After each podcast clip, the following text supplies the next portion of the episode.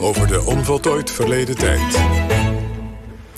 In 2004 biedt Paulien Terrehorst bij Veilinghuis Sotheby's op een oude Gucci-koffer. Er blijken jurken, voiles, bondkragen en oude aanzichtkaarten in te zitten. Genoeg uniek historisch materiaal dus om het spoor van de koffer te gaan volgen. En dat spoor leidt naar een verdwenen wereld van de adel in Midden-Europa. Met een bijrol voor nazi-topman Herman Geuring. En Pauline Terreorst is hier. Welkom. Goedemorgen. Um, ja, kun je vertellen hoe het allemaal begon? Jij kocht een oude Gucci-koffer op de veiling. Waarom, waarom wilde je die koffer hebben? Ik wilde die Gucci. Um, oud, ja, oud Italiaans handwerk, tenminste naar een oud huis waar dat leerwerk wordt gemaakt. Was toen erg in de mode. En um, leek, me, leek me leuk. Het stond onder Varia, leek me niet al te duur. Meestal zijn de dingen bij Sotheby's wat duurder. Nou. En ik vond het, uh, nou, in ieder geval wilde ik die koffer hebben. En uh, ja, toen bleek er dus van alles bij te zitten. Want dat wist je niet? Je, was, je wist niet wat erin zat? Nee, dom genoeg. Ik was uitgegaan van het plaatje. Heel stom. Wat, wat, wat... En toen daarna, toen, uh, toen zag ik dus, toen ik het op ging halen... dat er twee dozen bij zaten. Ja. Jos wil heel graag weten hoeveel die heeft Ja, gekost, ik wil weten wat zo'n koffertje doet. Ja, wat, wat, dit, wat, wat kost zo'n koffertje? Nou, ja, was, er was, er, schatting stond, stond twee, 200 euro. maar het werd duurder, want er zat iemand in de zaal die hem ook wilde hebben. En ik was echt verbaasd. Maar goed, hij, hij bood, bood, bood. Dus toen uiteindelijk, ik wilde hem absoluut hebben. Dus ik heb voor 500 euro uiteindelijk die koffer gekregen. Maar toen euro. sprak hij me aan en toen vroeg hij of hij uh, rijjasjes mocht hebben die er ook in zaten. Er zaten ook zweepjes in, en rijlaarzen van alles. En vroeg waarom wil je dat hebben? En toen uh, vertelde hij dat hij uh, dat soort dingen kocht om te verkopen aan Japanse modeacademies. die het daar helemaal uit elkaar zouden gaan halen om de oude technieken te bestuderen. En dat vond jij goed? Je dacht, die rijjasjes die mogen wel... Uh... Ja, want ik had er toch niet op gerekend dat ik nee. die zou krijgen. Dus uh, nee, dat vond ik goed. En bovendien was het een beetje te duur geworden voor mijn... Uh, nou ja, wat, goed, mijn, ter, terug naar, naar, naar wat, wat, dus dat koffertje zaten rijzwepen, et cetera. Wat zat er in die dozen? Precies. dit is nu een hele triviale aanleiding. En het bleek dus gewoon echt heel, heel mooi materiaal te zijn... om een reis door Midden-Europa te maken de afgelopen 150 jaar kwamen voorbij. Het was heel bijzonder. Wat zat erin? Uh, er zaten uh, jurken in. Uh, er zaten veel bont in, bontkragen. Heel veel prachtig kant, wit en zwart. In twee, keurig verdeeld in twee dozen.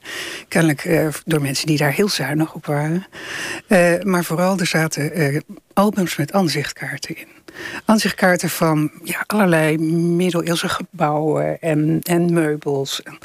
En uh, ik had er even naar gekeken. Ik was één naam tegengekomen, maar de meeste waren niet beschreven verder. Goed, ik ging vooral voor die koffer en die kleren en die, dat kant. Uh, dus ik heb er verder niet meer naar gekeken. Dus je hebt het jaren laten liggen eigenlijk? Op school weggezet, ja. En wanneer dacht je, mm, misschien moet ik toch nog een keer... Nou, ik kreeg op een gegeven moment wat meer tijd. En toen dacht ik, ik lijkt me mooi mijn project te hebben. En ik ga eens kijken wat er nou verder in die koffer zit. En in die, vooral in die, in die album zit.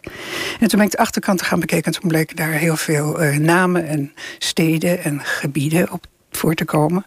Uh, die ik natuurlijk ben op gaan zoeken. Um, dan kom je de naam Lily von Epenstein tegen. Nou, ik wist niet meteen wie dat was.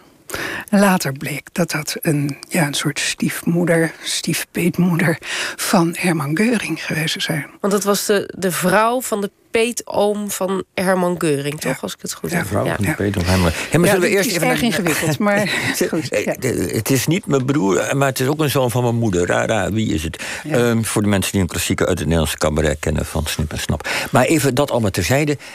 De eigenaar van deze koffer en die dozen. Je ging natuurlijk kijken wie is dat? Wie, Ja, Stel ze ja. haar eens aan ons voor. Maar dat, maar dat werd niet meteen duidelijk. Ik zag een naam en dat was eh Grevin Jolanta Chapari. En die naam ben ik, ben ik uit gaan zoeken. En toen bleek dat hij in eh, onder Salzburg in een kasteel heeft gewoond met haar moeder. In een kasteel dat Fienste Grün heet. Dat ben ik uit gaan zoeken en het bleek dat daar een tentoonstelling omheen was gemaakt. En ik ben daarheen gereisd om met degene die de tentoonstelling had gemaakt eh, te gaan praten. Die vrouw, die heette Chapari, maar omdat ze getrouwd was met een Hongaarse graaf. Maar ze was geboren eh, gravin Henkel von Donnersmarck. Nou, dat zei mij als film mens ook wel erg veel. Want uh, nou, de Henk van Donnersmarck kennen we kennen als de uh, cineast van Das Leben der Anderen. In ieder geval ben ik, kon ik, toen, had ik toen een aanknopingspunt om verder naar die families te kijken. En uit ja, bleek al snel, ook door het onderzoek wat daar al was gedaan, dat die vrouw met haar enorme Silesische kapitaal eh, veel goede werken had gedaan. Daar onder Salzburg, daar een kasteel had gebouwd, nagroen nieuw middeleeuws kasteel had gebouwd uh, met haar man. En dat ze daar ook de omgeving uh, ja, is gaan helpen. Ze heeft er een school gebouwd, ze heeft arme mensen geholpen met geld. En dat was de eigenaresse van die koffer? Nee, want nee? dat was niet duidelijk. Oké, dat, dat, was nog steeds niet duidelijk niet duidelijk. Nee. En dat was een van de zaken waar ik voortdurend naar op zoek was. En die ik pas veel later, eh, nou een beetje heb kunnen, eh, wat ik pas veel later heb kunnen reconstrueren. Maar in ieder geval het leven was interessant. Want een vrouw die in Silesië opgroeit, eh, daar heel erg in een hele rijke familie leeft. Kolen en staal heeft dat gebied zo enorm rijk gemaakt. Uh, en dan op haar 29ste pas trouwt. Dat is een beetje raar. Want erg oud. Meestal trouwen, zeker vrouwen die zo rijk zijn, al rond hun twintigste. Uh, en dan uh, uh, krijg je iemand die daar zo'n in een volstrekte uithoek van Oostenrijk een kasteel gaat bouwen. dat zijn allemaal raadsels die je op moet lossen. En nou, die heb ik voor een groot deel opgelost. En daarom heet het ook het geheim van de Gucci koffer. Ja, maar uiteindelijk was de koffer wel van haar. Nee. Nee, nee. Van wie was die wel? Um, dan moeten we hele grote sprongen maken.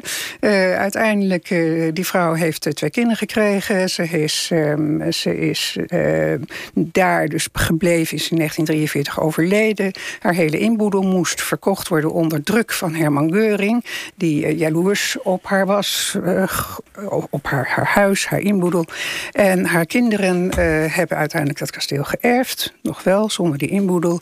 En haar zoon is getrouwd met de weduwe van de, ambassadeur, de Nederlandse ambassadeur in Budapest. Die heette de Vos van Steenwijk. En uh, um, haar, uh, haar dochter is kinderloos overleden. En uh, de Nederlandse connectie maakte dat ik uiteindelijk ben, ja, contact heb gezocht met haar kleindochter Yvonne. Die bleek in Nederland getrouwd te zijn in 1966. En um, met een Duitse prins, prins Karel von Hessen. En op die koffer stond Prins en Schloss. En um, ik vermoedde dat dat in ieder geval iets met elkaar te maken had. En ik ben daar op gaan zoeken in München. Heb gevraagd, uh, heb gezegd wat ik had gevonden. Gevraagd hoe komt die koffer in Nederland. En toen zei ze, dat heeft mijn schoonzus gedaan.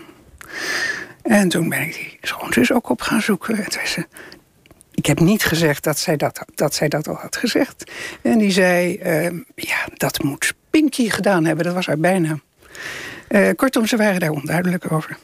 Goed, dus, dus je volgt helemaal het spoor van die koffer. Maar eigenlijk uh, uh, wat je in het boek doet, is, is een wereld ontsluiten van die adel in, in Midden-Europa. En dan heb je het dus inderdaad over, over die vrouw, een, een Silesische gravin. Kun je even de, de context schetsen van die familie in die periode en in dat gebied? Wat gebeurt daar? Uh, het is eigenlijk het eerste gebied waar uh, veel, uh, veel rijkdom wordt gecreëerd door kolen en staal. Waar we nu zoveel last van hebben. En um, het is een gebied wat echt ook een uithoek is. Goethe heeft het beschreven als nou ja, een uithoek van onze rijk. waar, waar ongecultiveerde mensen wonen, wat ze nogal kwalijk hebben genomen. Daar ontstaan de eerste hoogovens. En ehm, ja, dat is een gebied dat dus verder ja, boest en ledig is, zou ik maar zeggen. Maar de mensen die zo rijk zijn, hebben daar geweldige paleizen gebouwd. Alleen dat Silesië, dat kennen we nu als het Poolse Slask. En als je goed gaat kijken naar de plaatsen waar ze gewoond heeft... dat is dan in de buurt van nou, uiteindelijk ook Auschwitz. Ja. Uh, maar in de tijd waarin de personen, ik durf niet meer te zeggen over wie je schrijft, maar in ieder geval een aantal personen die jij beschrijft, de tijd en waar dus deze gravin bij hoort, dan is dit gebied behoort tot het Oostenrijk-Hongaarse Rijk. Habsburgse Rijk. Habsburgse Rijk, de dubbelmonarchie. En daar is een zekere keizer, de baas, et cetera. Want waar stond ja, ja. zij, eh, politiek gezien en zo, deze, deze hoofdfiguur? Um, zij was een, een, een conservatieve monarchiste. En uiteindelijk was ze ook wel een aanhangster van de standenstaat. Maar dat, de standenstaat zette zich wel af tegen Nazi-Duitsland. Maar het was buitengewoon conservatief. Ja. Tegelijkertijd ehm, schrijft ze wel een ingezonden stuk in de Spectator, de Engelse Spectator, tegen Hitler en tegen Nazi-Duitsland. En hoe kun je, want de, de ondertitel ook is uh, hoe de adel uit Midden-Europa verdween. Maar kun je nog even het sprookje schetsen? Dus uh, uh, mensen die daar dus allerlei kastelen neerzetten naar hun eigen smaak en, en alle middelen hebben. Ja, alle middelen om dat te doen. En dan een middeleeuws kasteel maken zonder moderne voorzieningen, zonder elektrisch licht. Wat dan nou bestaat. Ehm, omdat ze dat ja, zo, zo, zo authentiek mogelijk willen maken. Dat is, uh, dat is echt verbazingwekkend natuurlijk. Want hoeveel van dat soort kastelen staan er in dat gebied? In uh, nou, nieuw gebouwd was, is Vinstekreun uh, de enige. Maar uh, er waren twee andere, twee oudere kastelen nog... die ver, verbouwd werden. Onder andere dus door de stiefvader... niet de stiefvader, de peetvader van Geuring. En, een, en nog een ander kasteel... Wat door iemand die veel invloed op deze beide kasteelbewoners heeft gehad. Maar dan gaat dat, die, die groep, dus die rijke groep de mensen die die middeleeuwse kastelen bouwen, die, gaat ook, die komt onder druk te staan door de hele nou ja, geschiedenis die over ze heen komt. Kun je dat ook uh, beschrijven, hoe dat nou gaat? Ja, ze, moeten, ze moeten keuzes maken, zoals wij allemaal politieke keuzes moeten maken... wanneer, de dingen, wanneer er uh, van buitenaf allerlei grote bewegingen gaande zijn... zoals nationalisme. En dat is een van de aanleidingen waarom ik er ook echt over ben gaan schrijven. Want het was niet puur nieuwsgierigheid en trivialiteit van een Gucci-koffer. Waarom ik erover ben gaan schrijven is dat ik veel parallellen zag met het heden. Met um, um, allerlei um, aspecten uh, van, van wanneer, wanneer ga, sta je nou op en zeg je... nee, dit is, dit is te ver.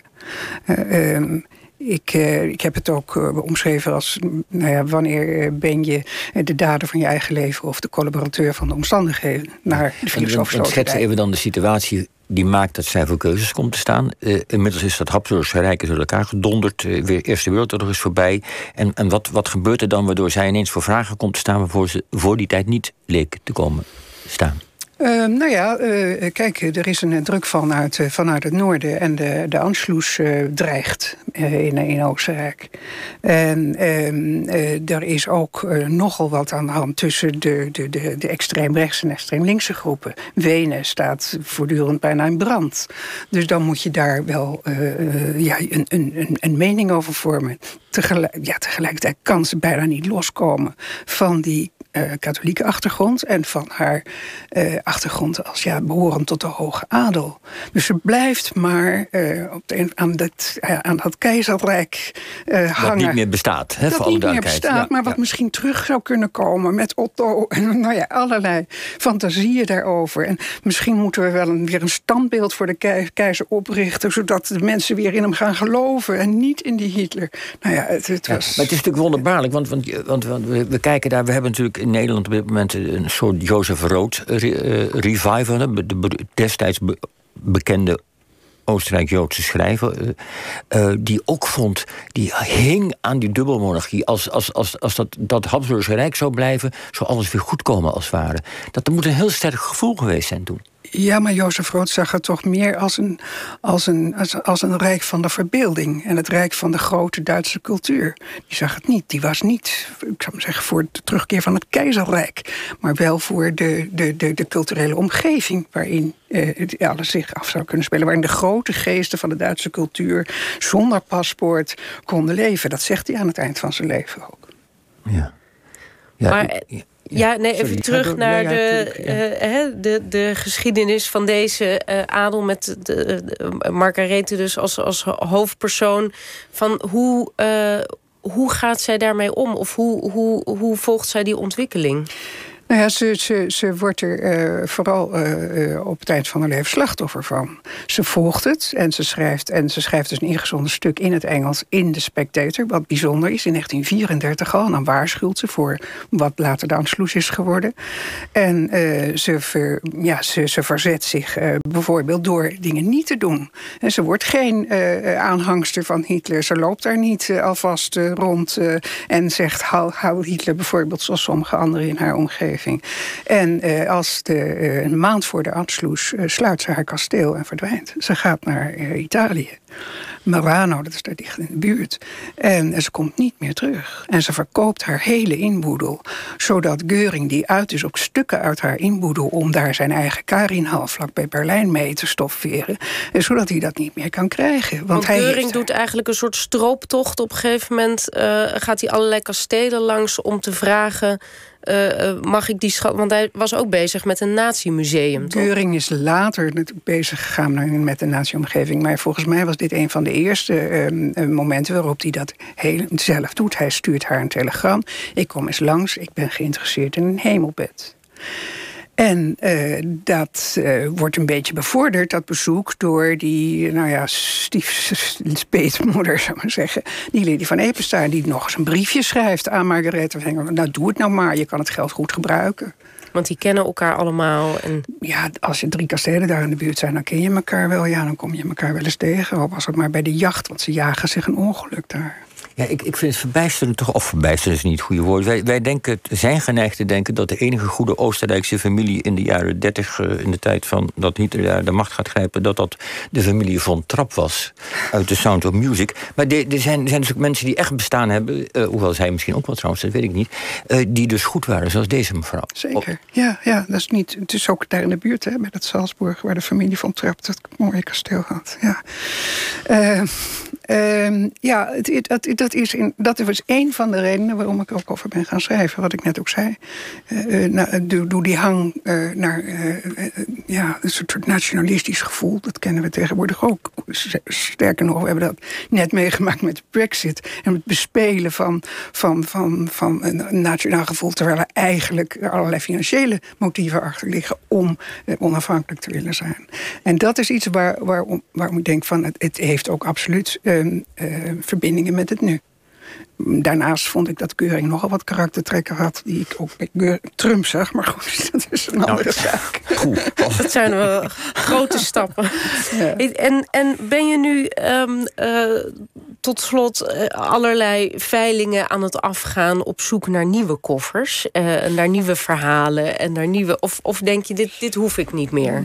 Weet je, dit zijn, dit zijn toevalstreffers... en je moet het lot niet tarten wat dat betreft. Nee, ik, ik heb er zijn natuurlijk wel veel meer voorbeelden van mensen die een pakje brieven vinden of een koffer of wat dan ook ergens op zolder of in een kelder. Dat doe je niet nog eens een keer. Nee, als ik weer wat schrijf, moet dat origineel zijn. En bovendien, ik, ik denk dat ik hier nog wel iets over te vertellen heb de komende tijd. Oh, er komt nog een deel 2 en deel 3. Wie weet. Goed, uh, hartelijk dank Pauline Terehorst. Je boek heet Het geheim van de Gucci-koffer. Hoe de adel uit Midden-Europa verdween. Hartelijk dank.